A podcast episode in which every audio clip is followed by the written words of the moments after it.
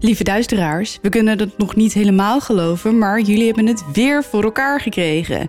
We zijn genomineerd voor een podcast award in de categorie verhalend.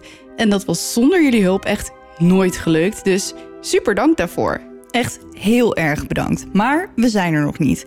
We gaan nu door naar de volgende fase en dat is het stemmen. En daar hebben we jullie hulp bij nodig. Alleen jullie kunnen ons naar die overwinning helpen. Ga naar podcastawards.nl en stem tussen 20 september en 11 oktober op ons. En help ons naar die allereerste award. Ja, doe het, doe het, doe Alsjeblieft. het. Alsjeblieft. Alsjeblieft. Please.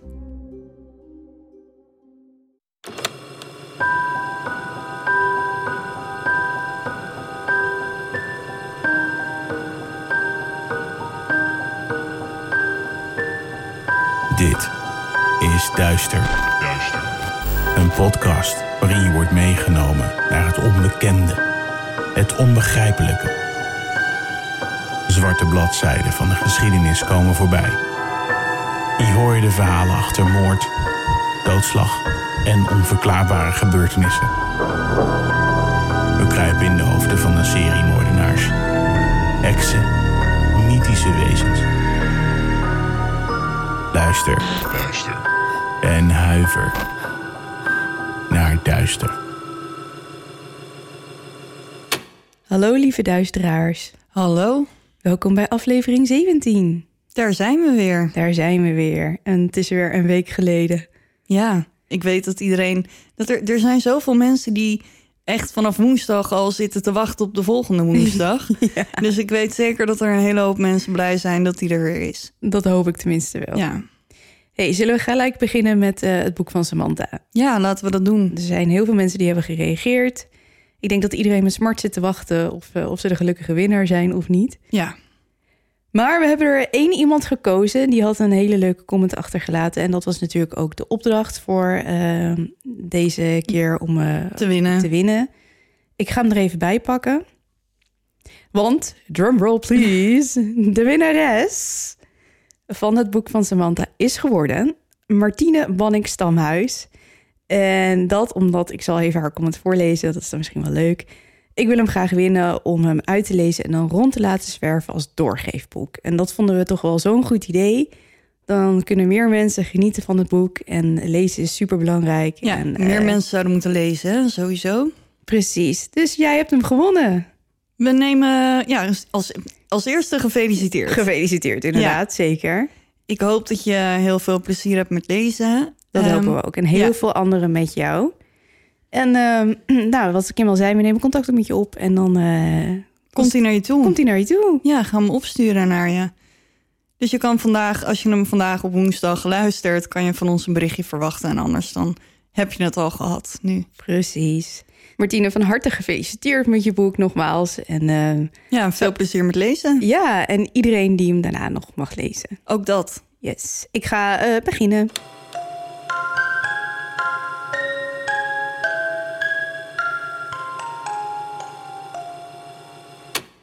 Nou, ik ben erg benieuwd wat je van deze aflevering gaat vinden, Kim. Want ik weet eigenlijk niet zo heel goed hoe jij over dit onderwerp denkt. Persoonlijk denk ik dat het onmogelijk is dat ze niet bestaan. En ik weet dat mijn moeder een, eh, een vrij eh, serieuze angst wel eh, voor ze heeft.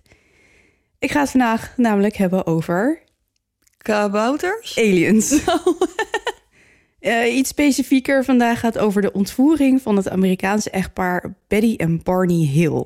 Zij claimen in de jaren 60 een zeer onplezierige ontmoeting met The Grace te hebben gehad. Nou, vandaag geen Wikipedia over aliens, want ik neem aan dat iedereen wel weet eh, Ja. wat ze zijn en eh, nou ja, wat, wat, wat ze vooral eh, doen en zo. Eh, we gaan ehm, beginnen in Portsmouth, New Hampshire, Amerika. Het echtpaar Hill is, zoals dat heet, een interracial koppel. Mm, Ik vind interraciaal... Klinkt een beetje gek in het Nederlands. Ja, Maar eh, dat is wel de correcte Term. term. Maar eh, goed, Betty is van westerse afkomst en Barney is van Afro-Amerikaanse afkomst. Mhm. Dus ehm, wat is behoorlijk eh, ongebruikelijk in de jaren 60. ja. Eh, Betty is al eerder getrouwd geweest, maar na haar scheiding ontmoet ze Barney, waar het direct mee klikt. Betty wordt geboren als Eunice Elizabeth Barrett, oftewel Betty, op 28 juni 1919 en groeit op op een boerderij in Kingston, New Hampshire. Betty is een pittig meisje, behendig, intelligent en creatief. Ze ziet zichzelf als anders, speciaal misschien wel, bestemd voor geweldige dingen. Betty wil zo graag de familieboerderij verlaten dat als ze haar ouders een toestemming vraagt om als acrobaat in opleiding deel te nemen aan een voorbijgaand circus, haar moeder ervan in de lach ziet en zegt: Je wil wat doen precies? Ja, ik zie, ik zie de kleine van jou al. Mam, Ja, ik wil graag bij het circus. Ja dan zou ik denk ik ook denken: eh, Als wat dan? Hoe zag je dat voor je? Nou, je raadt het al, toestemming geweigerd. Betty besluit haar ouders om dan maar eh, te ontvluchten door te gaan studeren. Aan de Universiteit van New Hampshire ontmoet ze Mary Ann, de enige Afro-Amerikaanse op de campus. Betty spreekt zich uit voor liberale kwesties en steunt haar vriendinnen moeilijke tijden. Racisme is in die tijd aan de orde van de dag. Het lijkt me vrij overbodig om te zeggen. Dat dat nu nog steeds zo is. Precies. Ja. Betty neemt een gedwongen pauze van de universiteit als de Tweede Wereldoorlog uitbreekt. Ze vindt een baantje als serveerster in Rudy's Farm Kitchen, een schattig restaurantje aan zee. Ze trouwt op 7 juni 1941 met Bob Stewart, de kok van Rudy's, en adopteert zijn drie kinderen. Dat ging blijkbaar heel makkelijk in die tijd of zo. Ja. Maar na 14 jaar loopt het huwelijk op de klippen en keert Betty terug naar de universiteit, waar ze alsnog afstudeert in 1958. Ze vindt een baan als maatschappelijk werkster in Portsmouth. Weten we ook wat ze heeft gestudeerd? Nou, dat weet ik niet precies. Ik kon het niet. eh, er is heel veel over een hele verhaal bekend, maar wat ze precies studeerde, weet ik niet. Maar ik denk dat het iets te maken heeft met jeugdwerken Ja, of zoiets. maatschappelijk werk of iets met kinderen die richting op, Ja. denk ik. Maar eh, ik moet het antwoord helaas schuldig blijven. Maar goed. Barney Hill wordt geboren op 29 juli 1922 in Newport News, Virginia. Als klein jochie ziet hij met hoe weinig middelen zwarte gezinnen moeten rondkomen en hoe racisme hun leven dagelijks beïnvloedt. Het is dan ook niet gek dat Barney zich tot een onverschrokken activist ontwikkelt. Barney is een voortijdig schoolverlater en besluit in dienst te gaan van het Amerikaanse leger en dient drie jaar tijdens de Tweede Wereldoorlog als vrachtwagenchauffeur. In 1944 raakt hij echter gewond bij een granaatongeval op een schietbaan en wordt daarna eervol ontslagen. Kort daarna ontmoet hij Ruby, waarmee hij trouwt en een gezin sticht in Philadelphia. Barney ontmoet Betty in 1956 als hij met Ruby en de kinderen op vakantie is in New Hampshire. Hij verblijft daar met zijn gezin in een gasthuis waar Betty op dat ogenblik ook woont, omdat haar oude huis wordt omgebouwd tot appartement en ze daar niet langer kan blijven. De twee sluiten een vriendschap. Na de vakantie gaat Barney met zijn vrouw en twee zoons terug naar Philadelphia. Hij en Betty houden contact. Hoewel het niet de bedoeling is, groeit de band tussen hen en worden ze verliefd. Barney besluit met pijn in zijn hart te scheiden van Ruby en begint een latrelatie met Betty. Hoewel Barney van de Afro-Amerikaanse afkomst is en het niet gebruikelijk is in haar familie, besluit Betty om Barney voor te stellen aan haar ouders. Ondanks zijn donkere huidskleur valt hij in de smaak. Barney is een vriendelijke man, welbespraakt en geïnteresseerd in de hedendaagse politiek, net als de ouders van Betty. Nou, dan heb je in ieder geval een soort van raakvlak. Nou, precies dat, omdat haar ouders eh, erg betrokken zijn bij eh, de gemeenschap en het Ja. politiek niveau. En eh, Ja. nou ja, dat. Je, je snapt hem wel. Ja. Maar uiteindelijk raakt Barney de wekelijkse 5,5 uur durende rit van Philadelphia naar Portsmouth zat. En bij wijze van grapje vraagt zij Betty ten huwelijk. Tot zijn verbazing zegt ze ja. En het stel trouwt op 12 mei 1960 in Camden, New Jersey. Maar het zal nog tien maanden duren voordat het nieuwe echtpaar definitief kan gaan samenwonen. Betty heeft ondertussen een goed betaalde baan gevonden bij de New Hampshire Division of Welfare en Barney heeft een goede baan in Philadelphia als postbezorger. Hij vraagt een transfer aan, maar loopt tegen allerlei bureaucratische problemen op. De enige oplossing is een baan in Boston, dat is een uur rijden vanaf Portsmouth, en hij zal de nachtdiensten voor zijn rekening moeten nemen. Barney weet dat het een enorme opoffering is van zijn kant, maar hij wil zo graag bij Betty zijn dat hij de baan aanneemt. Op 17 maart 1961 is het zover. Barney is blij met deze nieuwe route in zijn leven, maar de overgang naar een overwegend witte stad, ver van zijn vrienden en zijn twee jongens, drukt zwaar op hem. Naast een drukke baan is het paar actief betrokken bij de lokale unitarische gemeente. De wie? De Unitarische gemeente. zo, eh, je, je, je trok je wenkbrauwen op. Ja. Nou, zo ging ik ook toen ik het las. Ik heb het natuurlijk even opgezocht. Het Unitarisme is een christelijke stroming die de leer van de goddelijke drie-eenheid verwerpt. Weet je wat dat is? Hoop, geloof, liefde. Volgens mij is dat een liedje. Nee, het is de Vader, de Zoon en de Heilige, Heilige Geest. In deze geloofstroming wordt Jezus Christus niet als goddelijk beschouwd. En dat in tegenstelling tot de hoofdstroom van het christendom. Dus wat nou echt de feitelijke verschillen zijn, behalve dat Jezus dan niet als een godheid Wordt gezien. wordt gezien, weet ik niet wat het verschil is in het verhaal van Jezus Christus. En nou, Nee. ik dacht ook, die is niet interessant. Voor nu. Voor nu in deze, in deze aflevering. Oké. Eh, ook zijn ze lid van de NAACP. En dat staat voor de National Association for the Advancement of Colored People. Zijn ze gemeenschapsleiders en Barney zit in het lokaal bestuur van de Amerikaanse Commissie voor Burgerrechten. Zo. Een behoorlijk druk leven Ja, dus. bezige bijtjes. Zeker. Zo druk dat Barney het op 15 september 1961 tijdens een nachtdienst een beetje zat is. Hij wil Betty verrassen met een verlaten huwelijksreis naar Montreal en de Niagara Falls. Ik ben daar geweest. Dat is echt het einde. Ja. ja, dat kan ik me voorstellen. Ik snap dat hij daar eh, naartoe wil met haar. Eh, zijn vakantie wordt toegekend en op 17 september, een zaterdagmorgen, stapten de twee in een oude Chevy samen met de hond Delcy. De banken zijn in het weekend gesloten en omdat het tripje nogal uit de lucht komt vallen, hebben ze maar 70 dollar op zak. Het stel besluit dat als ze in de auto slapen en niet te duur eten, ze het moeten kunnen redden met het geld dat ze hebben. 70 Ja, dollar. 70 dollar. nu betaal je voor één hotel al 70 dollar. Ja, wat denk, je van, wat denk je van een eh, tank gas? ja, een tankgas? Een tank gas. Ja, een gastank. Ja, Een nee, gastank. Dat, dat klopt wel, wat je zei. Nee, ja, ja, in 1961 was 70 dollar genoeg. Ja. Nou, en zo gaat het stel op pad. Eerst richting Vermont, daarna naar de Niagara Falls en Toronto en tot slot Montreal, waar ze hun laatste nacht toch kiezen voor een fijn hotel. Ze hebben het erg leuk samen en maken zelfs het nachtleven van Montreal onveilig. En ze zijn al ergens in de 40, hè, dus het is een Zo, lekker, lekker, eh, lekker stelletje. het zijn geen hele erge jonkies meer. Nee. Ik mag hopen dat ik zo op mijn veertigste nog... eh, nou, nu, terwijl ik het zeg, denk ik, Kimberly, je komt nu ook echt nooit ergens. Dus waarom zou je Nou, je komt hier. Ja, dat is wel eh, een hele... Wereldreis. Ja, Nee, een je, uitje. je hebt echt wel veel gereisd de afgelopen jaren. Ja, tuurlijk. Nee, maar ik dacht meer aan, aan het nachtleven. Oh, ja. Ja, dat is toch al een tijdje Ja, voorbij. Dat, dat is wel anders, ja. ik kom nee. nog wel eens in een kroeg, maar daar houdt het ook al bij op. Ik zou wel willen, maar ik heb er nu niet zoveel aan. Laten we eerlijk zijn, de afgelopen jaren ben je ook niet echt veel in de kroeg geweest. Nou, soms nog wel eens met collega's. Maar ja, mm, ja het is niet meer zoals vroeger, nee. Nee. Goed, en door. Eh, nou, ze maken dus het nachtleven van Montreal onveilig.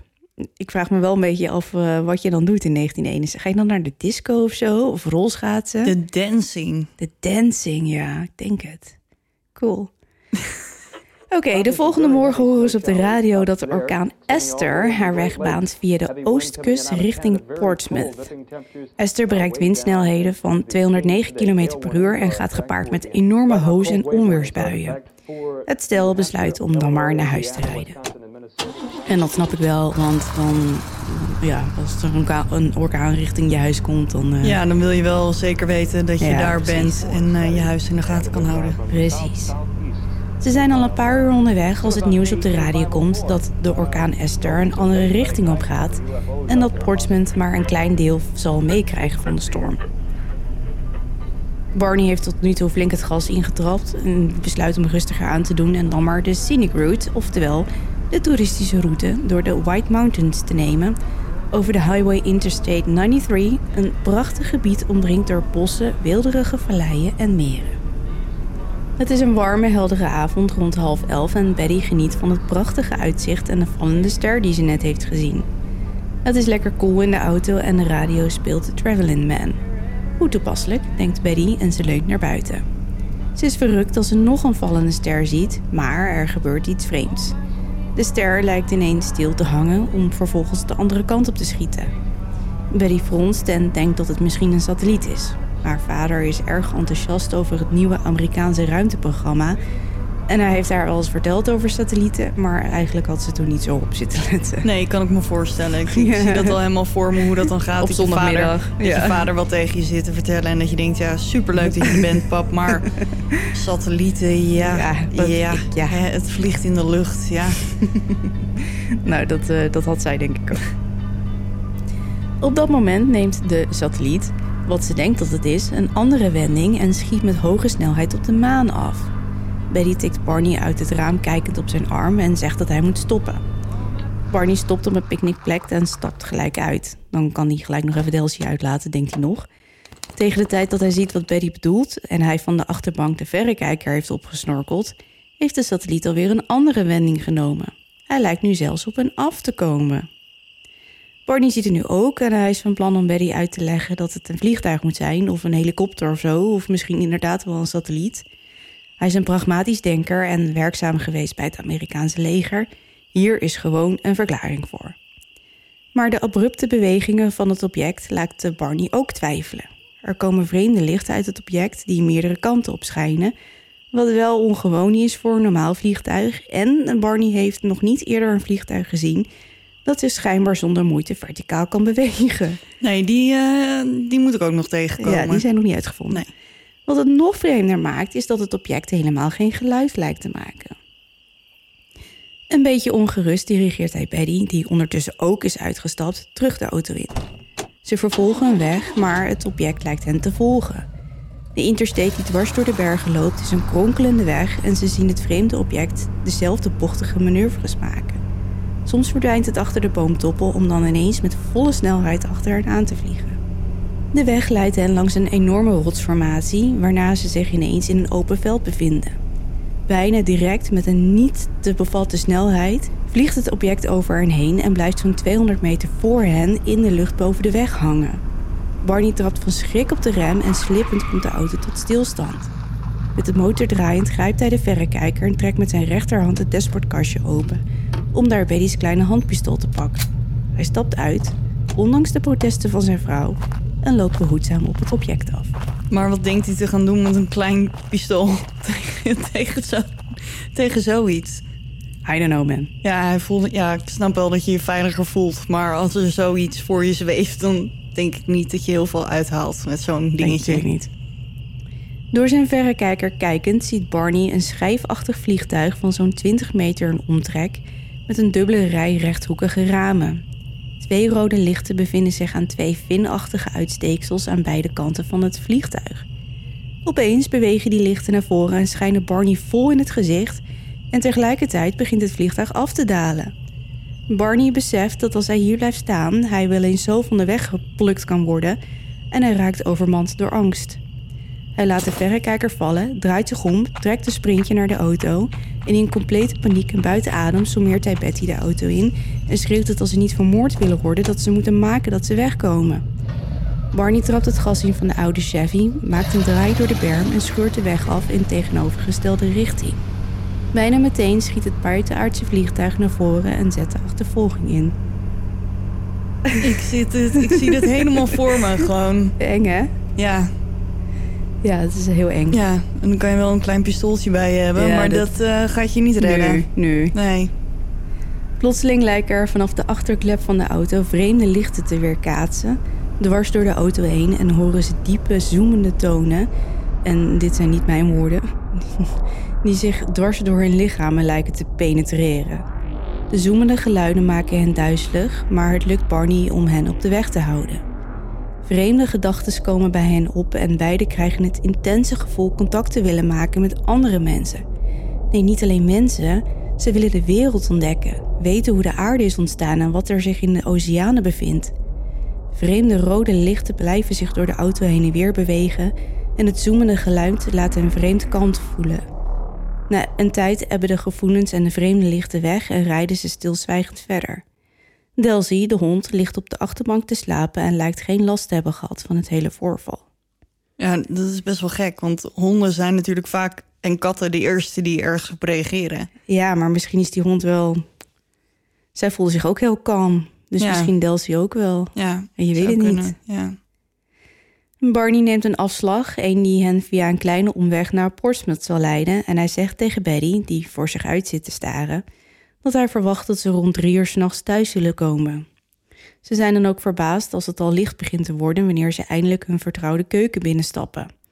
De rit had zo'n vier uur moeten duren, toch zijn ze nu zeven uur later pas thuis. Barney en Betty Hill zitten aan de keukentafel zonder wat te zeggen als Benny ineens opmerkt dat haar kleding gescheurd is en dat ze een schoen mist. Barney kijkt naar zijn armen en ziet dat er een scheur in zijn jasje zit. Ook is hij smerig en heeft hij een diepe kras op zijn gezicht. Vreemd genoeg voelen beiden zich kalm en ze besluiten dan ook om naar bed te gaan. Dan Hoe denk kan, ik je nou, hoe kan je nou als je alleen maar in een auto hebt gezeten? Hoe kan je dan denken... Oh, ja, kijk, je schoen kan ik nog voorstellen. ja, maar Betty is hem kwijt, hè? Ja, Zij is die auto, ja, ze heeft met één been is ze uitgestapt. ja maar, maar... Maar, dan nog, als je... Je hebt de hele tijd in die auto gezeten. Ik kan me voorstellen dat je dan misschien je schoenen uitdoet. Ja, en weet je niet dan, maar als je smerig en een, een, een scheur in je jas en zo, hoe dan? Dan, ga je, dan denk je toch niet, yo, we gaan lekker naar bed. Nou, zij wel, Ja, maar je hoort het allemaal. ja maar ik snap, ik snap dat er nog iets gaat komen. Ja, ja, maar ik snap ja. gewoon niet dat je op dat moment denkt, Nee, maar ze voelen zich heel kalm. Ja, ik kan het niet anders zeggen dan... nee, gewoon Ze hebben gewoon een en- soort van, ja, inderdaad, sereniteit over zich heen Ja. hangen. En ze maken zich niet zo druk om het feit Nee, dat, dat ze smerig zijn en dat Benny een schoen mist. En nou ja, ja, het doet ze niet zoveel. Dus, en ze zijn natuurlijk best wel lang onderweg geweest. Dus ze denken Ook ook, dat. ja, weet je, we gaan gewoon Lekker slapen bed, en eh, morgen wel. Goed, maar de dagen erna maakt het kalme gevoel plaats voor onrust... en voelen de twee zich zelfs een beetje smerig. Barney blijft maar douchen en Betty kan haar rust niet vinden. Wat ook niet meehelpt is dat ze zich beiden steeds moeilijker kunnen herinneren... wat er nou precies gebeurd is die nacht. En hoe kan het dat hun kleren kapot zijn? Dat zijn dus Oh. precies alle vragen. ja. En wat is dat rare paarsige spul dat Betty op haar jurk heeft zitten? En waarom heeft Barney zo'n diepe kras in zijn gezicht? En hoezo wil de auto niet meer starten? En waarom doen hun horloges het niet meer? Oh, het wordt steeds, eh, en er begint hier in één keer een kat Een te mouwen. Ja, het wordt wel een beetje freaky, hè? Ja, Op 21 september belt Betty met het Peace Air Force Base om het bizarre voorval te melden. Maar ergens denkt ze dat men haar niet zal geloven en dus laat ze enkele details achterwege. Op 22 september wordt ze teruggebeld door Major Paul Henderson. Hij heeft haar melding gezien en verwijst daardoor naar Walter N. Webb, een astronoom uit Boston en lid van het NICAP. Dat staat voor National Investigations Committee on Area. Phenomena. Phenomena? Phenomena. Dus eh, ja, min of meer de voorloper van de UFO, zeg maar. ja. Dus iets wat, ja, nog niet zo... Ja, ik weet niet zo goed hoe ik moet uitleggen. Ja, Ja, echt een- letterlijk de voorloper van... eh van de het UFO? onderzoek naar, nou niet van de UFO, Ik maar naar het onderzoek naar, naar het feit naar dat, dat er eh UFO staat natuurlijk voor. Unidentified Flying Objects. En ja. Nou, die term hadden ze nog niet uitgevogeld, maar wel voor dingen die in de lucht zweven, waar een verklaring voor is. Eigenlijk precies dat. Oké, Duidelijk? zeker. Oké. Nou, Webb neemt telefonisch contact met Betty op en hij wil graag een uitgebreid interview. Betty vertelt hem nu wel alles. En Webb wil ook met Barney spreken, maar die twijfelt om aan de telefoon te komen. Wat hen overkwam, dat gelooft toch nooit iemand? En dat Nee. zou ik ook denken. Ja. Maar de vrouw waar haar zo van houdt, staat met de telefoon in haar hand tegen de deurpost geleund en kijkt hem doordringend aan. Op dat moment besluit Barney om alles te vertellen wat hij zich kan herinneren. Maar Webb merkt aan Barney dat hij niet alles wil of kan vertellen. Het lijkt wel of Barney dingen achterhoudt. Als Webb Barney hiermee confronteert, geeft deze toe. Webb denkt dat Barney misschien onbewust een gedeelte van de nacht van het voorval heeft geblokkeerd in zijn hoofd. Webb suggereert dat het echtpaar misschien hypnose zou kunnen proberen om het laatste deel van wat er die nacht gebeurde los te weken. Na het telefoongesprek stelt Webb met alle informatie een rapport op, komt tot de conclusie dat het stel de waarheid heeft verteld en stuurt vervolgens het rapport door naar Project Blue Book, het, ja, het onderzoek dat zeg maar UFO's dan Ja, maar dat is vlot. doet. Als je dat die ze gelooft, want Ja, maar blijkbaar is zijn verhaal zo overtuigend. plausibel dat het, ja, Ja, en dan komen ze met zulke. Maar kijk, zij zijn natuurlijk. Zij zijn, dit is wel het eerste grote verhaal Ja. Van een stel dat zegt, wij hebben aliens gezien. Ja, Maar er waren er daarvoor ook al meldingen geweest over mensen die dan eh, ja, eh, ontmoetingen hadden met aliens of een ruimteschip hebben gezien. Dus er was al wel een soort van eh, project opgestart en dat heette dus Blue Book. En daarin waren zulke sightings zeg maar al Ja, wel eerder beschreven. ja. En genoteerd in een blauw boekje. Ja, maar dit was zo uitgebreid. en- Ja, precies. En zo heftig dat, eh, nou ja, het, het- ja, Het werd gewoon geloofd. Precies. Ik weet niet wat ik zou doen hoor, overigens. Die man is astronoom, dus dan zou je toch... Ja, ik weet het niet, man. Nee, ik ook niet. Maar ik Als zou heel astronoom hoef je zijn. natuurlijk niet per se niet in aliens te geloven. Nee. Maar het klinkt zo... eh, ja, ik weet het niet. Ja, alsof je in Jezus Christus gelooft, maar ook heel spiritueel bent, weet je wel. Voor mij is het altijd een beetje het ene meer dan het ander. Maar voor hem is het blijkbaar echt gewoon... Het Ja, kan allebei. Om het even. Ja. Ja. Maar goed, het maakt niet uit. Het is gewoon interessant. Maar goed, tien dagen na de bizarre gebeurtenis op 19 september 1961 krijgt Betty last van levensechte nachtmerries. Vijf nachten lang droomt Betty wat er lijkt te zijn gebeurd in de tijd dat zij en Barney zich niet kunnen herinneren. Dit is wat ze schrijft in haar dagboek. En nou komt ie hoor. Ik ben benieuwd. Ga maar even lekker ervoor zitten. Nou, ik ga even ervoor zitten. Zij en Barney rijden op Interstate 93 en komen een wegversperring tegen. Ze stoppen en meteen zijn er mannen die hun auto omsingelen. Ze verliest het bewustzijn, maar worstelt om het terug te krijgen. Opeens is ze wakker en realiseert ze zich dat ze door twee mannen gedwongen wordt om s'nachts door het bos te lopen. Barney loopt achter haar, maar hij lijkt in een soort trance te verkeren. De mannen zijn ongeveer anderhalve meter lang en dragen blauwe uniformen met petten die lijken op die van militaire kadetten. Ze zien er bijna menselijk uit, met zwart haar, donkere ogen, prominente neus en blauwe lippen. Hun huid is grijsachtig. Betty, Barney en de mannen lopen naar een schijfvormig vliegtuig met een metalen uiterlijk. Eenmaal binnen worden ze van elkaar gescheiden. Ze protesteert en krijgt van de man die ze in haar hoofd onbewust de leider noemt, te horen dat als zij en Barney samen worden onderzocht, het veel langer duurt om de testen af te nemen. Wat voor testen, denkt Betty nog paniekerig. Vervolgens worden ze naar aparte ruimtes gebracht. Een nieuwe man, vergelijkbaar met de andere, komt binnen om de test af te nemen en Betty noemt hem in haar hoofd de onderzoeker. Hoewel hij en de leider Engels met haar spreken, lijkt de beheersing van de taal niet perfect en heeft ze moeite om hen te begrijpen. De onderzoeker vertelt Betty dat hij een paar tests op haar gaat uitvoeren om de verschillen tussen de mensen van de aarde en de mannen aanwezig in het vliegtuig op te merken. Hij zet haar op een stoel en er schijnt een fel licht op haar. Daarna knipt hij een lok van Betty's haar af. Hij onderzoekt haar ogen, oren, mond, tanden, keel en handen. Hij knipt zelfs stukjes van haar vingernagels. Na haar benen en voeten te hebben onderzocht, gebruikt de man een botmes, vergelijkbaar met een brievenopener, om een deel van haar huid weg te schrapen. Vervolgens test hij haar zenuwstelsel en steekt een naald in haar navel, wat haar vreselijke pijn bezorgt. Ze smeekt hem om daarmee op te houden, waarna de leider een stap naar voren doet, met zijn hand voor haar ogen zwaait en de pijn weer verdwijnt. De onderzoeker verlaat de ruimte en de leider komt naar haar toe. Hij zegt haar dat het nu tijd is om te gaan. Zij en Barney worden uit het vliegtuig geleid en naar hun auto gebracht, waar de leider voorstelt om te wachten op het vertrek van het vliegtuig. Dat doen ze en daarna hervatten ze hun rit. En dat droomt ze dus in vijf nachten. Ja, Ik weet niet precies wat de blokken zijn waarin dat... van de nacht, Ja, maar dit is het complete verhaal over vijf, nachten. Vijf nachten, ja. Nou goed, in de jaren die volgen rijden Betty en Barney regelmatig terug naar de White Mountains in de hoop de exacte locatie terug te vinden van het hele gebeuren. En dit lukt, lukte echter niet. Ze kunnen het dus niet, Nee. meer, niet meer vinden. Ze proberen tevergeefs uit te vogelen wat er gebeurd is tijdens die uren die ze zich niet kunnen herinneren. Via een kerk komen ze terecht bij een psychiater, Dr. Benjamin Simon.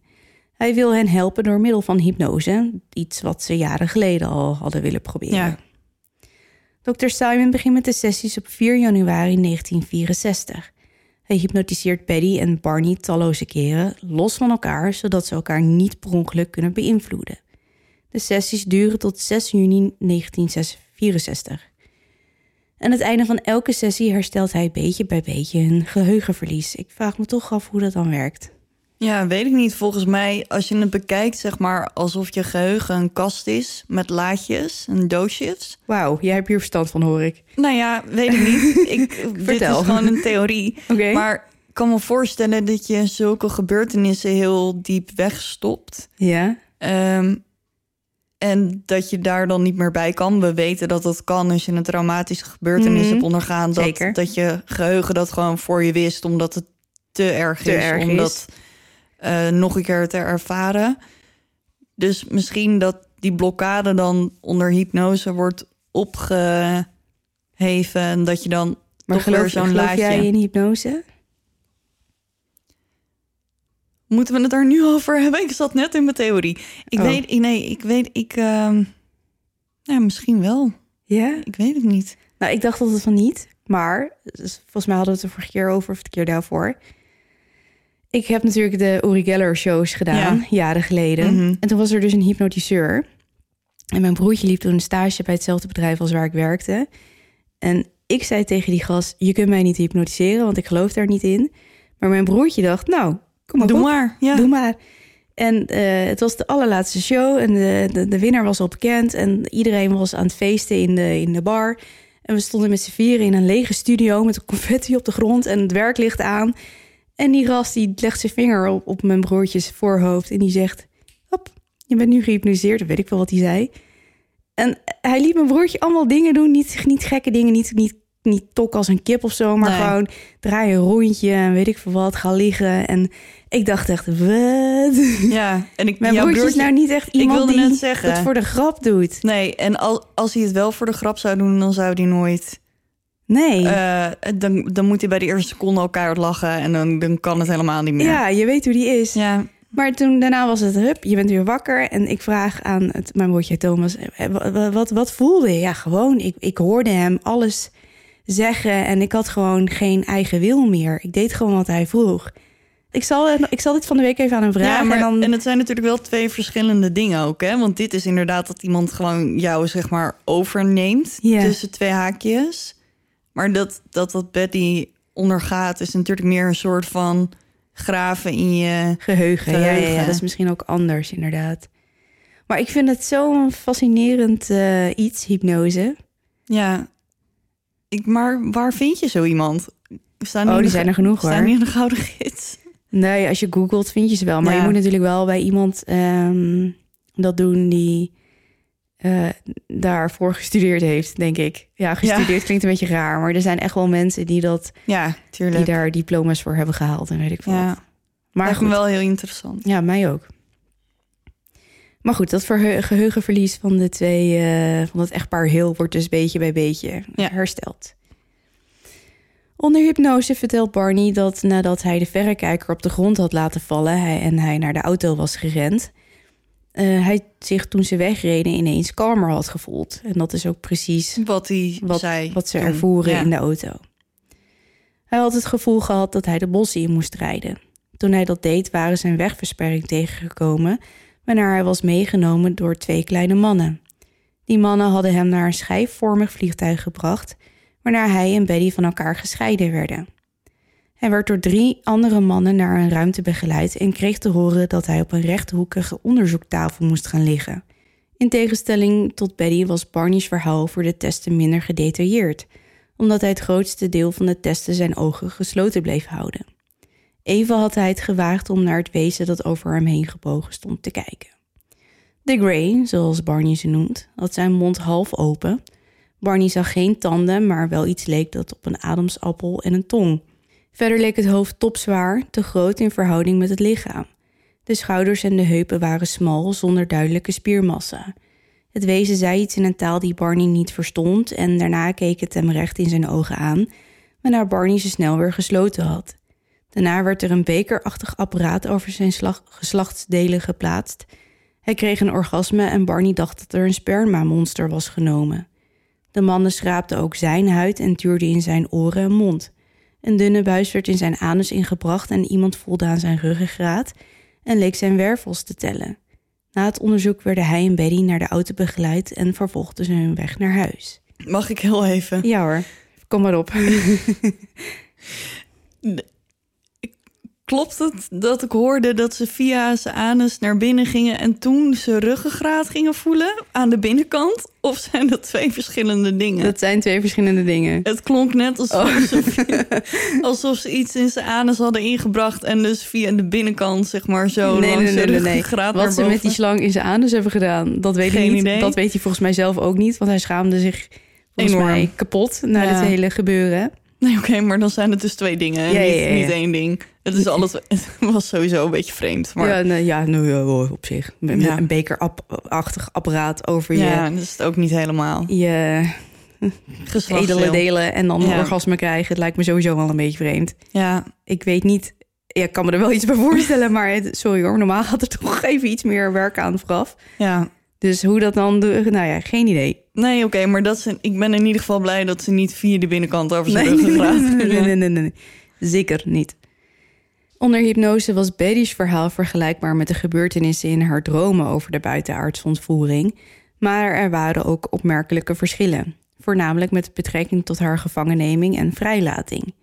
De testen in het vliegtuig waren ook anders. De kleine mannen hadden een ander uiterlijk dan in haar dromen. En de volgorde van de ontvoering was ook anders. Maar deze verschillen zijn zo klein en minimalistisch dat Ja. ik dacht, nou weet je, dat ga ik niet helemaal uitschrijven. Want het verhaal is al, Al lang. is al lang. Maar het gaat meer om kleur van de huid. En Oh ja. eh, dat de test die, ja, in, in haar droom ging die naald haar navel in. En dan eh, onder hypnose ging die via haar vagina. Weet je wel, dat soort dingen. Oh ja. Maar goed, de herinneringen van Barney en Betty tijdens de hypnosesessies waren consistent met elkaar, maar spraken dus een deel van Betty's dromen tegen. Betty vertoonde een aanzienlijk emotionele uitbarsting tijdens haar sessies.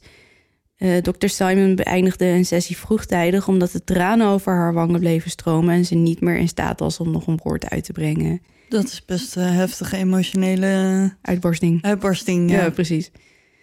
Nee, maar het deed haar zoveel. Eh, soms kon ze alleen maar huilen en snikken. En dat ik denk, ja, het is natuurlijk ook wel heftig wat je hebt meegemaakt. Ja. Sowieso wel bizar dat onder hypnose het bij- bijna hetzelfde verhaal daaruit komt als in haar dromen. ja, maar ik denk ook wel dat het twee dingen zijn die dicht bij elkaar liggen. Mhm. Want als je het over onderbewustzijn hebt, dan Ja, is tuurlijk. dat natuurlijk waar je... Emily die loopt hier ondertussen rondjes Ja. over de bank te rennen en te mouwen. Dus ik denk wel dat het twee dingen zijn die best wel bij elkaar in de buurt liggen. Dat denk ik ook wel. Voor Barney Hill, een gerespecteerd man in zijn gemeente met een getest IQ van 140, is de bizarre ervaring beschamend. Hij vreest dat de roddelpers hun strijd voor gelijkheid en waardigheid niet meer serieus zal nemen als het ruimteschipverhaal naar buiten komt. Zijn angst wordt helaas waarheid als een krant in Boston het verhaal oppikt. Overal waar Barney komt, worden hem vragen gesteld wordt hij vergek verklaard of juist als een grootheid behandeld. Barney vindt het verschrikkelijk. Vliegende schotels domineren dan ook de eerste vier alinea's van het overlijdensbericht van Barney Hill als hij plots in 1969 overlijdt aan een hersenbloeding. Zijn levenslange lidmaatschap bij de NAACP, zijn oprichting van het Rockingham Community Action Program, zijn juridische strijd om discriminerende wervingspraktijken te beëindigen zijn benoeming bij de New Hampshire's Civil Liberties Commission. Alles wordt overschaduwd door de publiciteit van de buitenaardse ontmoeting. De plotselinge dood van Barney verwoestte Betty. Haar oude vriendin Mary Ann suggereert dat Betty altijd zal blijven rouwen om haar beste vriend, echtgenoot en soulmate.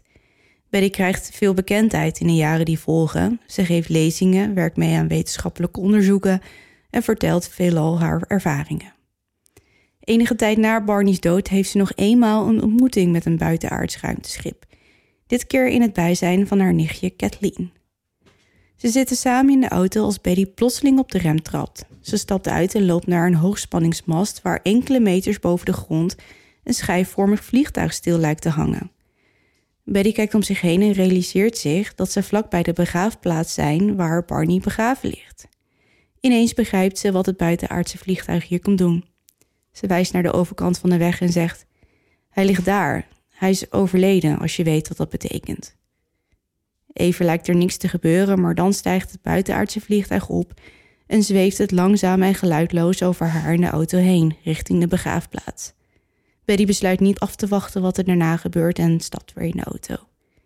Kathleen heeft alles zien gebeuren en kan niks anders doen dan het hele verhaal van haar oom en tante te geloven. Ja, als, dat, als je dat het. voor je neus ziet gebeuren, dan, ja, dan valt er niet echt veel te ontkennen, denk ik. Nee. En dat was de ontvoering van Barney en Betty Hill. Wauw. Goed verhaal. Ja, vond je? Ja. Ja, het kwam er hierna een beetje hortend en stotend uit, maar het is ook een heel lang verhaal. Ja. Maar ja, ja aliens, man.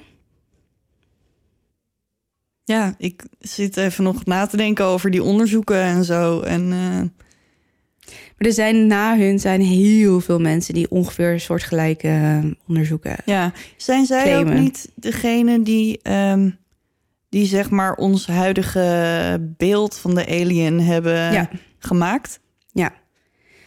Eh, eerst werd gedacht dat aliens heel erg op mensen leken. Eh, zeg maar, je, kijk, als je aan een alien denkt, dan denk je meteen dat dat ovaalvormige ja, gezicht. met van die, met met die grote, schuine ogen. Ja, en dat is eigenlijk, je zit het uit te beelden. Ja, Bedankt, maar daar hebben we niks aan. nee. Maar ehm, dat is inderdaad precies wat eh, Barney vooral omschreven heeft. Ja, en een grijze huidskleur. Ja, en daarom noemde hij ze ook The Grace. Grace, en dat ja. is dus eh, door de media opgepikt. En ja, nou ja, sindsdien eh, de Grijzen noemt eigenlijk de halve wereld ze wel Ja. nu zo. Maar zij waren inderdaad de eerste met zo'n gedetailleerd verhaal over een ontmoeting van een alien. Aliens.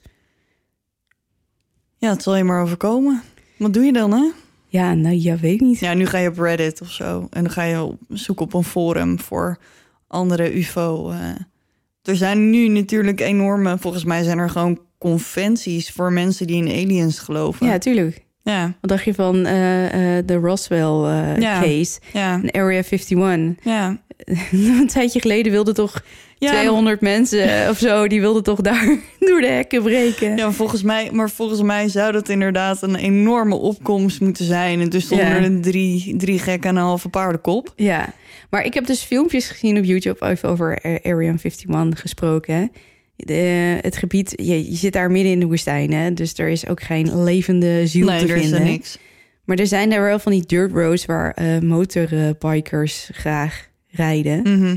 En er was dus een man met zijn zoon, die waren verdwaald, als in, Aha. ah ja, verdwaald, ja. Ja. mm.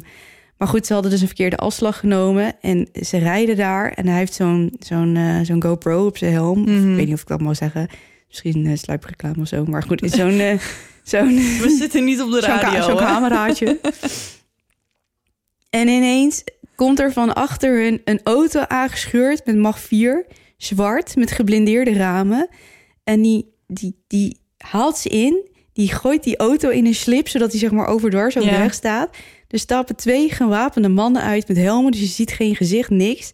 En die zeggen, wat kom je doen? En die gast zegt, ja, sorry man, we zijn verdwaald, weet je wel. Ja. Eh, beetje lachen. Ja, nog van, eh, verdwaald. ja, en dan is het, je gaat nu weg. Ja, nou ja, maar hoezo dan? Ja, het is verboden gebied. Weggaan of verschiet, zegt die gast. dus die vader die denkt, yo. dus die begint weer zijn motor te starten. Maar Ja. die zoon die denkt nog, nou, ik doe even grappig of zo. En die zegt, ja, hoezo? Mag je toch gewoon rijden? Maar die gast die komt echt naar voren met, met gewoon gerichten. Ja, Dus, nou en- verbaast het me niet. Weet je, we hebben het Nee. al over de Amerikaanse...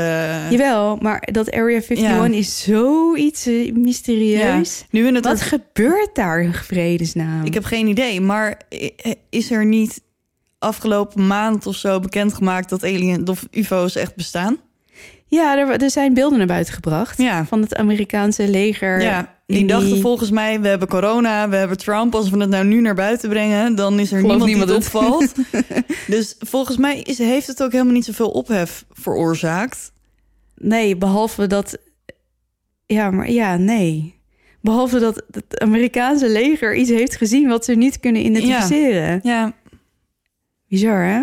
wie weet, Wie wat, er, wat ons maar ik denk ook wel, staat. dat, ik zei het aan het begin al, ik denk ook niet dat ze niet bestaan.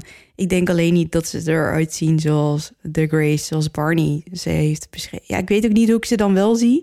Nee, Maar wij, ook niet wij van die kunnen groene... toch niet, we kunnen toch niet de enige zijn? Nee. Kom op, dat kan niet. Nee. Ik las laatst dat het, dat het heelal echt eh, letterlijk oneindig groot is. Letterlijk. Er zit geen einde aan. Nee. Het gaat gewoon door. Ja, ik kan me ook niet voorstellen Nee. dat wij de enige zijn. Ja. Misschien niet in precies zo dezelfde vorm als wij, maar ik weet het niet, want het is gewoon... eh, Ja, laat ons even weten eh, hoe jullie over aliens denken. Ja, doe dat. Ben ik wel ben heel benieuwd naar. ja. Iedereen heeft natuurlijk zo'n eigen mening. Ja. Dus eh, vind ik een goeie van je. Ja, en hoe zien ze er dan uit? Zijn ze groen? Ja, zijn ze grijs? Want gr- groene marsmannetjes zijn natuurlijk ook wel een Ja, ding. dat, dat zeg je maar wat. Dat zijn dan mannetjes van Mars. Ja, maar dat is toch ook een... eh, Een term. een un- unidentified jeetje. Wat? Maar, Daar verstond ik niks van. nee, dat hoeft ook niet. Zal ik maar gewoon... eh, ja, iets laten we, kunnen hier echt nog de hele avond eh, over doorgaan. Maar dus die tijd hebben we helaas niet. Maar ja, laat even weten wat je ervan denkt. En dan, eh, ik ben heel benieuwd. Ik ook. Ben je ook benieuwd naar mijn verhaal? Heel erg. Ga vooral beginnen. Dat ga ik zeker doen. Oké.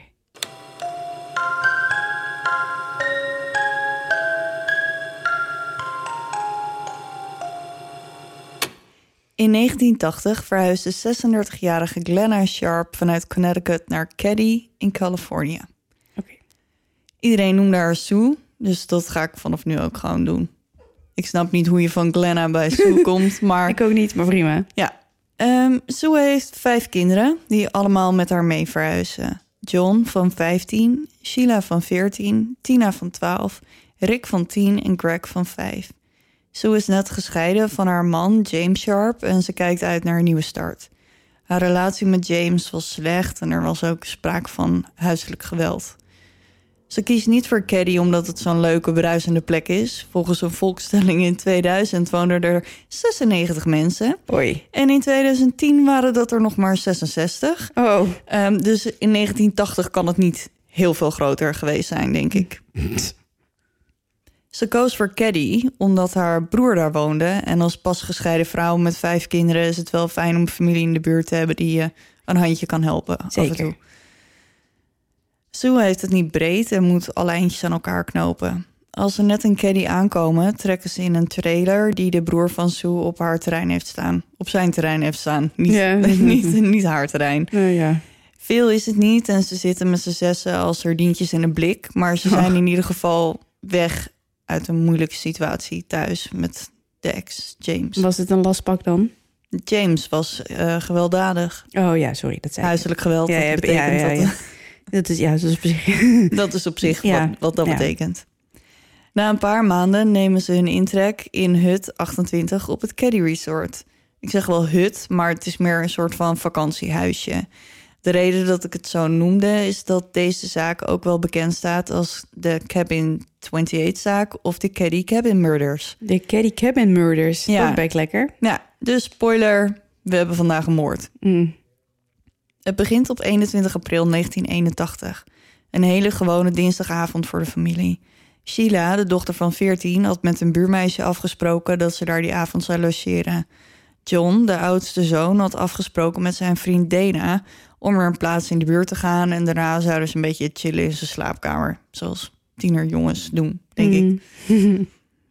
Tina van 12 ging naar de buren om daar tv te kijken. En nou, rond een uur of tien was zij gewoon weer thuis. Van Sue mocht de 12-jarige Justin Eason bij Ricky en Greg komen logeren. Justin woonde nog niet zo lang in Caddy. Hij woonde samen met zijn stiefvader Marty en moeder Marilyn Smart in huisje 26. Oh ja. Dus ja, heel erg in de buurt. Iedereen die weg was, komt dus weer thuis om te slapen, behalve Sheila die bij haar vriendinnetjes blijft logeren. De volgende ochtend komt ze rond kwart voor acht thuis. Wat ze aantreft als ze het huis binnenloopt, is net een scène uit een horrorfilm. Ik geloof niet dat ik het wil weten. Weet je het zeker? Zal ik maar gewoon stoppen? Ja, doe maar. Ja, nee, daar, daarvoor zitten we hier niet. Nee, ik weet het. Ik ga het jullie vertellen. Op de grond van de woonkamer vindt ze drie vreselijk mishandelde lichamen. Haar moeder, haar broer John en zijn vriend Dana. Het drietal was zo gewelddadig om het leven gebracht dat er bloed tegen het plafond was gespat. Jezus. Sheila, doodsbang en in shock, maakt rechtsomkeert naar het huis van haar vriendinnetje en slaat alarm. De vader van de vriendin gaat met haar mee.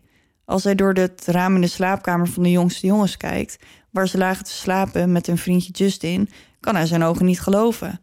Alle drie de jongens zijn ongedeerd. Oh, Ja, hij haalt ze via het raam naar buiten, zodat ze dus niet door de woonkamer naar Nee, buiten moeten en hun dode moeder en broer en vriend hoeven te zien liggen. Het is een wonder, maar ze hebben door de slagpartij heen geslapen. jezus. Ze hadden geen idee wat er in de kamer naast zich had afgespeeld. De jongens zijn dus veilig, maar ze kunnen Tina nergens vinden. Die is verdwenen.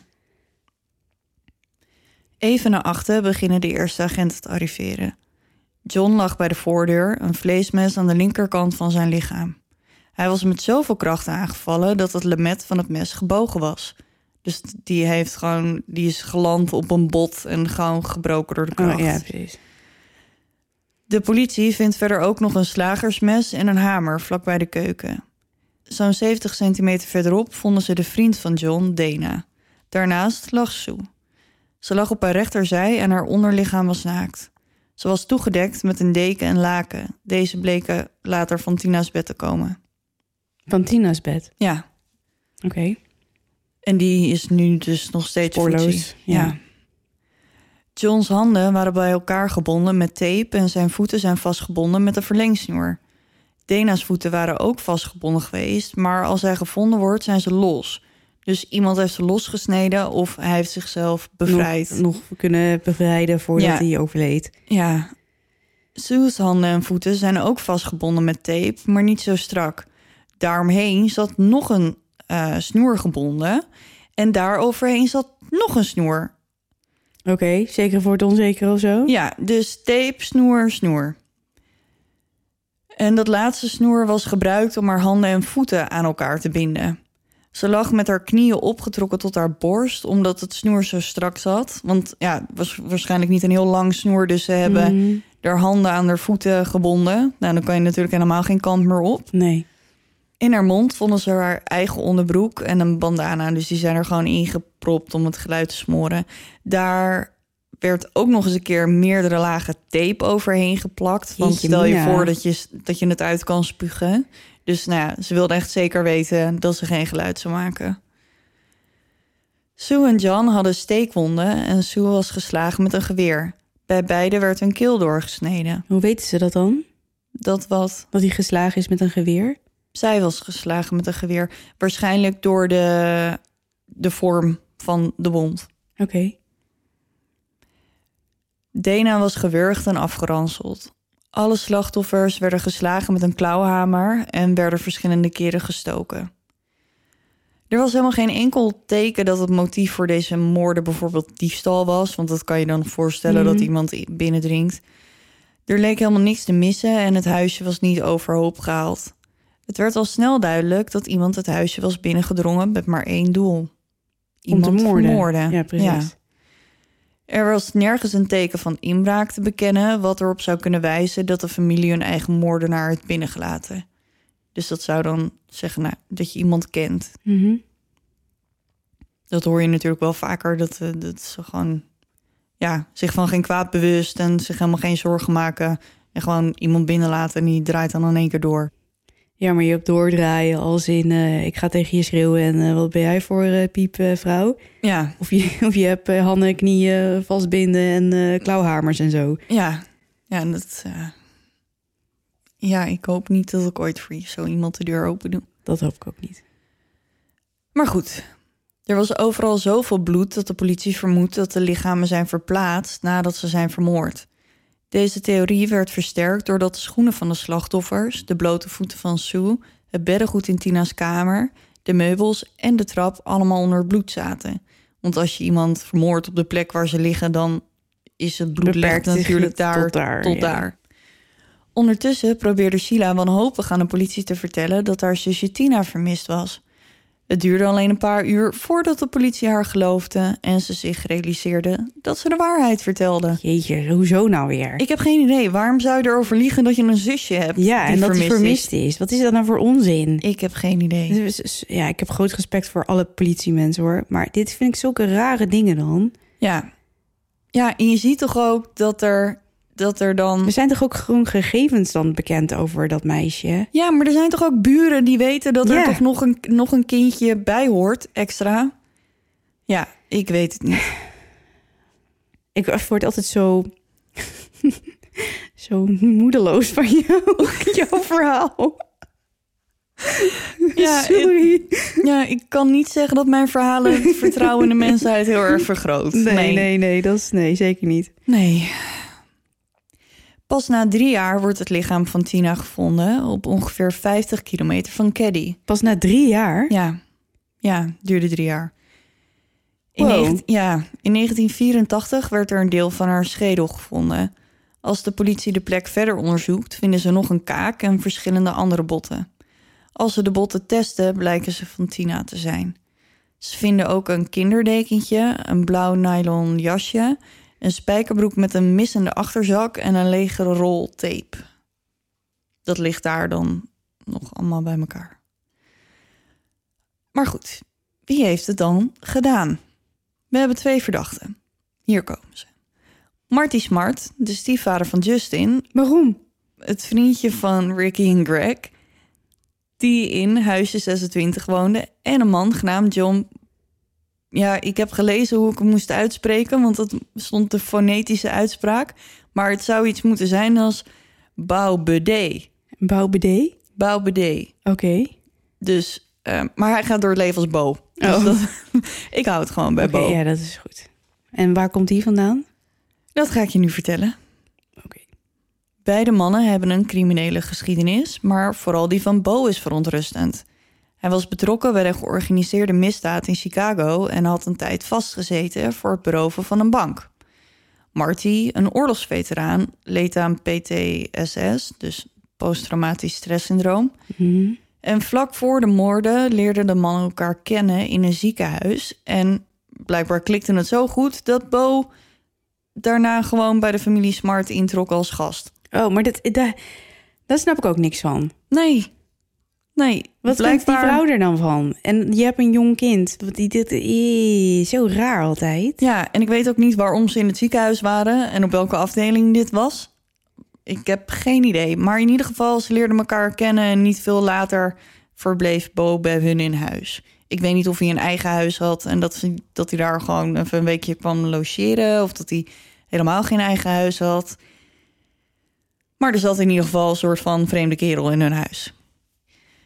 Het leek erop dat Marty zijn vrouw mishandelde en Sue had geprobeerd zijn vrouw Marilyn ervan te overtuigen om bij hem weg te gaan. De avond voor de moord werden de mannen gezien in een kroeg. Ze droegen pakken en stropdassen en gedroegen zich vreemd. Marty vertelt later aan de politie dat hij een hamer mist. Nou, is toch toevallig. Heel toevallig, ja. Ja, hè? Volgens Marty besloten hij en zijn vrouw om naar de backdoor bar te gaan voor een paar drankjes. Hij werkte daar in de keuken en had na een, nu een avondje vrij. Op de weg daar naartoe gingen ze langs Sue om te vragen of ze mee wilde, maar Sue bedankte vriendelijk. En die had natuurlijk ook Justin over de vloer en John en Dana. Dus Ja, een huis vol. huis vol. Eenmaal in de kroeg was Marty er niet blij mee dat er harde muziek gespeeld werd. Gek in een kroeg. Ja, hè? Hij werd boos en klaagde bij de manager. Niet veel later verlieten Marty en Marilyn de kroeg en gingen naar huis. Ze keken nog een beetje tv en gingen naar bed. Om de een of andere reden was Marty nog steeds zo boos over de muziek in de kroeg... dat hij zijn bed weer uitkwam om de kroeg te bellen... Nee, en nogmaals boos zijn beklag te doen bij de manager. Maar hij werkt daar. Ja. ja, blijkbaar zat het hem echt heel erg dwars. Nou, dat blijkt. Ja, maar goed, nu hij toch niet meer kon slapen, besloot hij maar terug te gaan naar de kroeg om dan deze keer Nog een keer samen... te klagen. Oh nee, Oh. om deze keer samen met Bo nog maar wat te gaan drinken. Hé, wat een, raar, wat een rare gast, joh. Ja, ja, best vreemd. Ja, en dus hij lag in zijn bed en hij dacht, nou, Ik ben zo nee, ik ben boos. zo boos, ik kan nog niet slapen. bellen. Ik moet nu, ik ga dan weer terug en dan ga ik daar nog even bier drinken. Want nu heb ik geen last meer van de muziek. Ja, geen idee wat er in zijn hoofd omging. Als detectives met Marilyn spreken, vertelt ze hun dat zij en Marty de dag na de moorden uit elkaar gegaan zijn. Volgens haar heeft hij een superkort lontje en is gewelddadig. Als ze later nog een keer ondervraagd wordt, vertelt ze de politie dat Marty een bloedhekel aan James Smart had, de ex van Sue.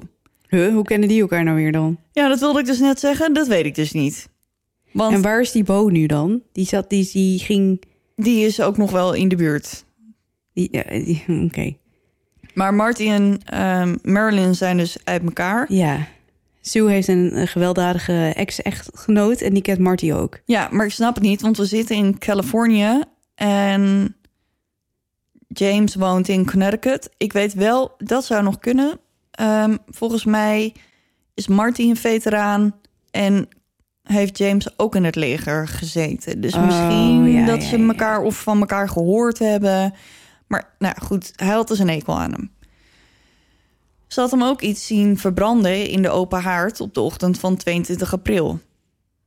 Dus ik weet niet wat dat dan was. Kunnen ze dat niet achterhalen dan? Uit een hoopje as? Ja, weet ik veel.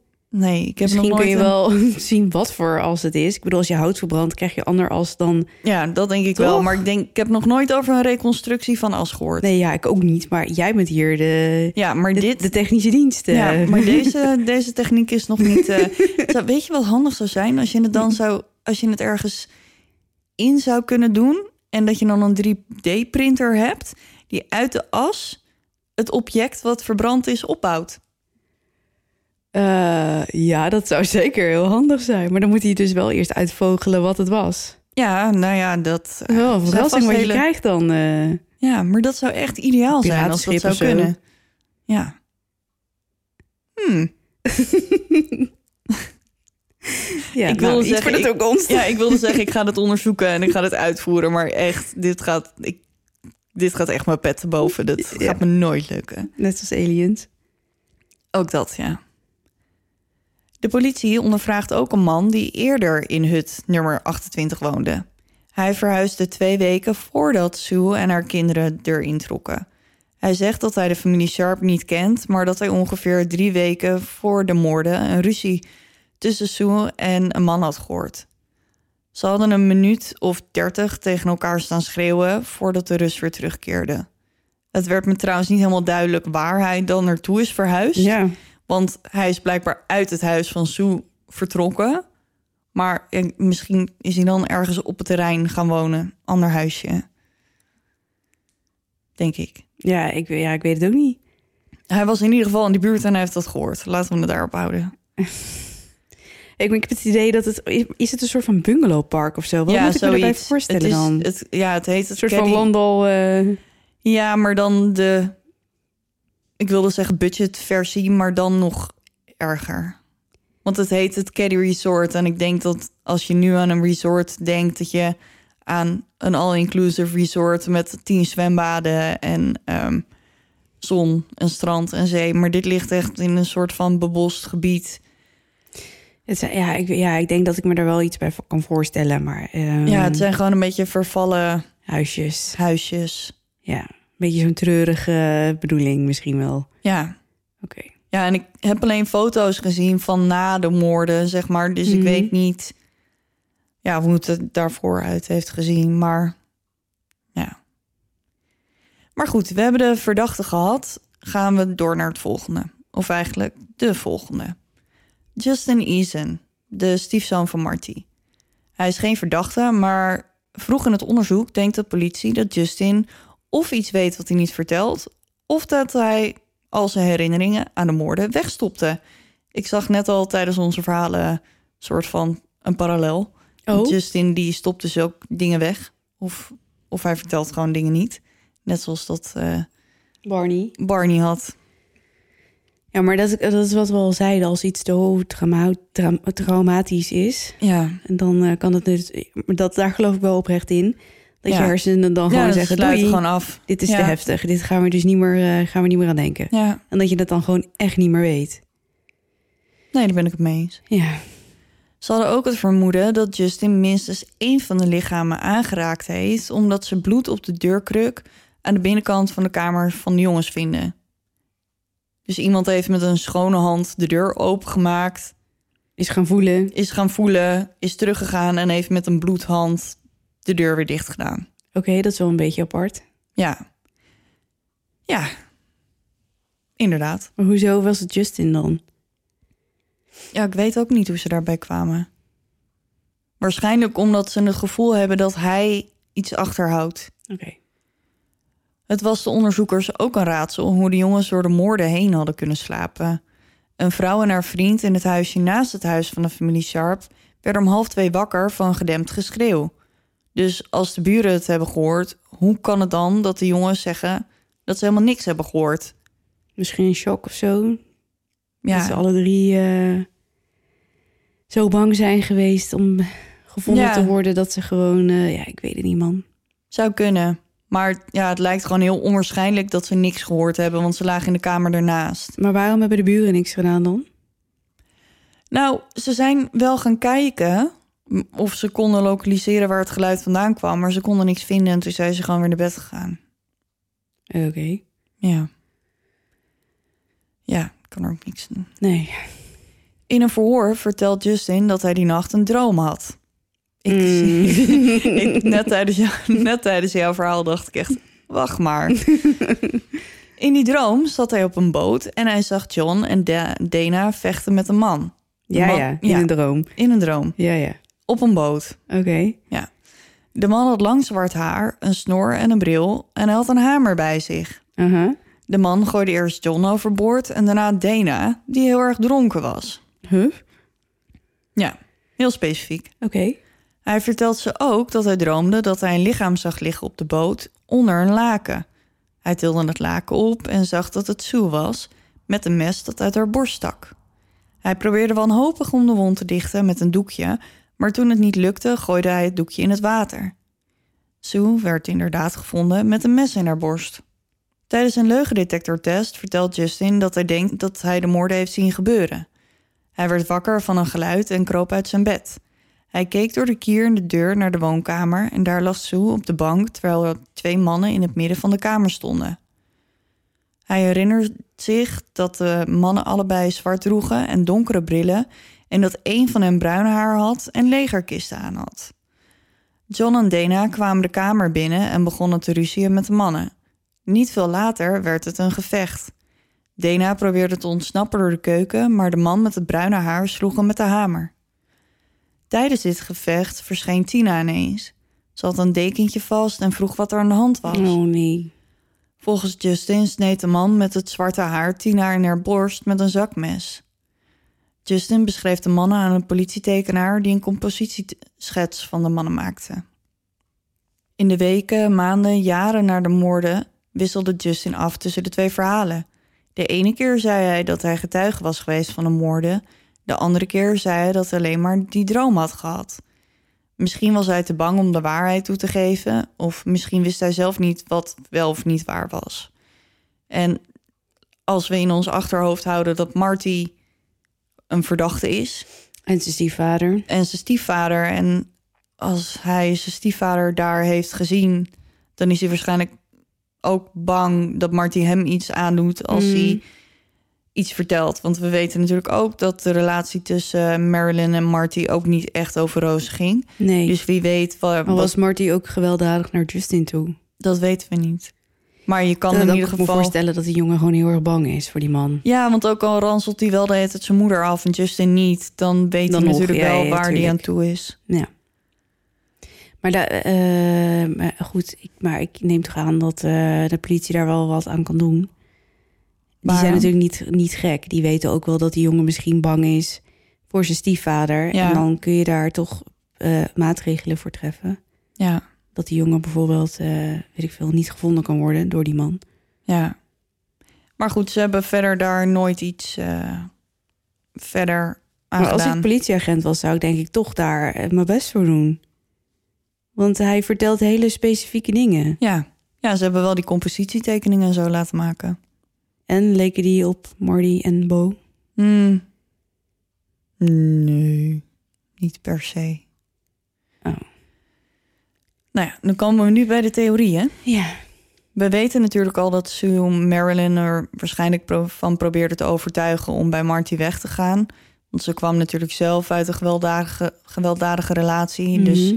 ja, het is begrijpelijk dat ze voor Marilyn ook een beter leven wilde. Zeker.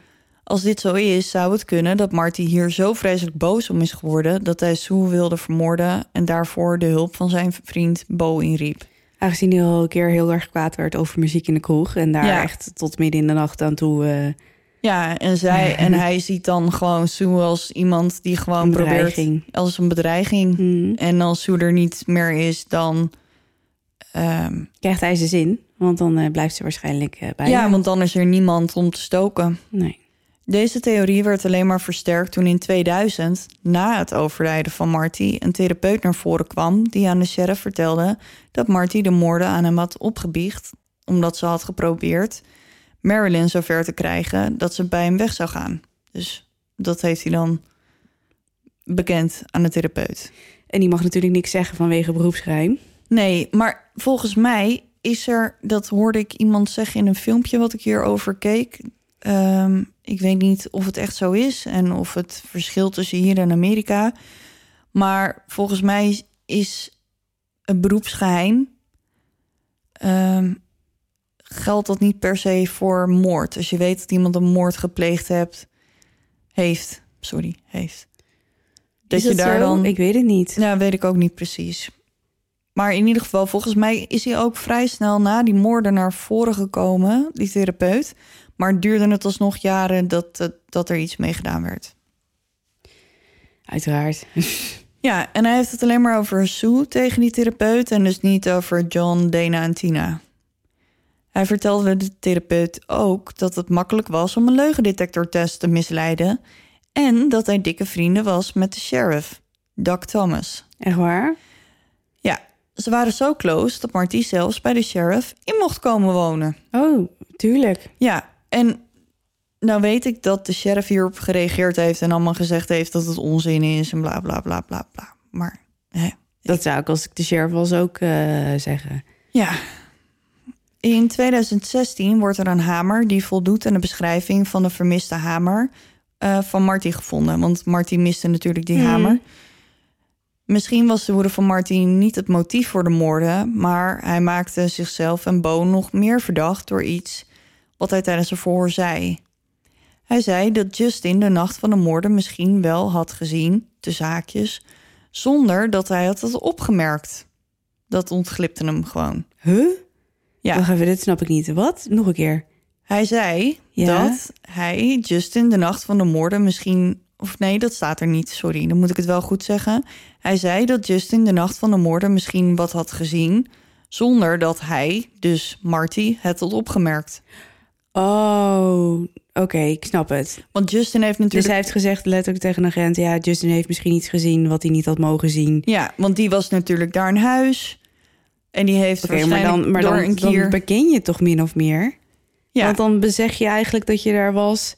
en dat je Steve zo iets heeft gezien wat hij niet had mogen zien. ja, en plus dat zou ook verklaren waarom die drie jongens ongedeerd zijn. Omdat Justin bij de jongens op de kamer lag en dat Marty en die wilde zijn stiefzoon zoiets.